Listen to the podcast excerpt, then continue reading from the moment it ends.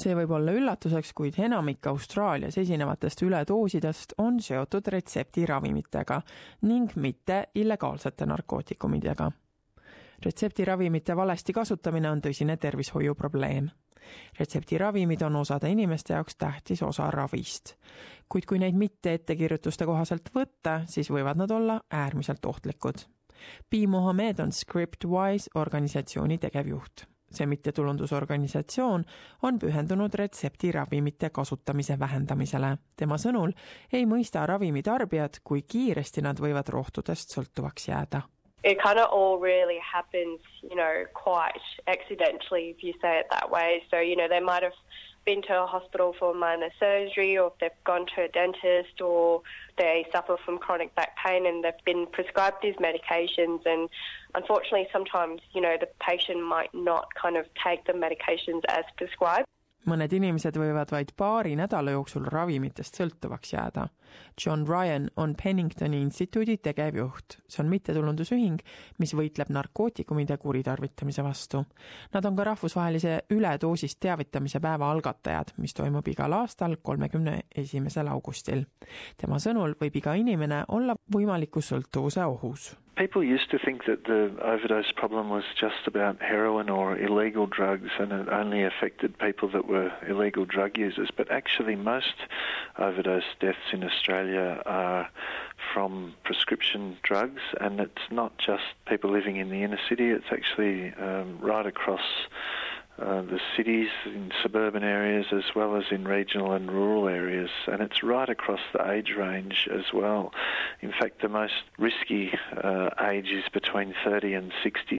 kui teile kirjutatakse välja tugevaid valuvaigisteid nagu morfiini või oksükodooni, siis ta soovitab, et räägiksite oma arsti või apteekriga sellest, kuidas ravimeid õigesti võtta. I would really encourage people to talk very uh, openly with their doctors about these drugs. It's you know they've got a very important medical role and they're they're actually good drugs. The only um, risk is if they're not taken as directed. And for example, combining these drugs with alcohol is not recommended. That really increases overdose risk. So it's actually important for people to have uh, a good understanding of, of, these drugs and also to follow clearly the uh, di- doctor's instructions and the pharmacist instructions. enamik inimesi ei mõista, et retseptiravimitega või ka käsimüügis saadavate ravimitega kaasnevad omad riskid. Paulile, kes sai mitmeid aastaid tagasi haavata, kirjutati välja kodeiini sisaldavad valuvaigistid, kuid teda ei hoiatatud nende ravimite eest piisavalt My addiction started probably about when I was 21 years of age. I had a uh, sports injury, a shoulder injury playing football, and I was taking Panadol for that, and um, that wasn't working. And a friend suggested taking some medication called um, Eurofin Plus. That's where it all started. Um, I was taking two a day, and then it got up to four and five and six, and then to eventually it got to 90 tablets a day before I got rushed to hospital. seda ravimit, mida Paul võttis, on kahe tuhande kaheksateistkümnenda aasta veebruarist võimalik vaid retseptiga saada. See samm on osa uutest meetmetest, mille eesmärk on paremini kontrollida valuvaigisteid ning teisi retseptiravimeid. valitsus alustab järgmise pooleteist aasta jooksul ka uue retseptiravimite jälgimise süsteemiga.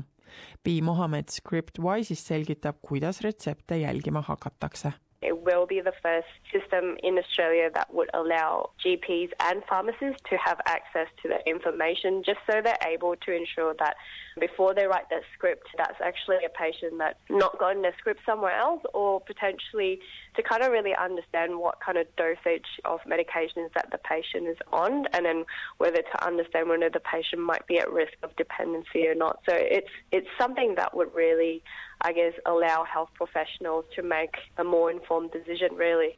kui teil või kellelgi, keda te tunnete, on probleem, siis Pi Mohammed soovitab, et otsiksite abi. There's actually different services in different states, so um, it really depends which state that you live in. There's helpline numbers to just talk about your issue and what um, these helplines usually do is they might be able to refer you to the right GP, potentially look at a recovery or even like a treatment plan to get you off these medications. And what we're really trying to do ultimately is to say to people, if you, you feel that you might be developing that dependency. It just kind of knowing that there's nothing wrong with what they feel and it's just about having the right conversation and seeking help. Peale haiglasse viimist õnnestus Paulil end mürgitusest puhastada ning sõltuvusest vabaneda, kuid ta mäletab, kuidas tema sõltuvus teda teistest inimestest eraldas. Because people do need help and, and sometimes they're just too scared to come out and get it. John Ryan Penningtoni instituudist julgustab kõiki, kellel on retseptiravimitega probleeme, leidma oma perearsti kaudu abi Part of the solution is actually to have conversations about drugs and to have conversation about addiction so that we can actually better understand the risks and also better understand how to respond. And doctors are actually an excellent resource to talk about these issues. And I don't think people should feel shy to talk to their doctors about these issues. Obviously, it's always an uncomfortable uh, conversation, but it's actually really much better to have the conversation than to keep silent.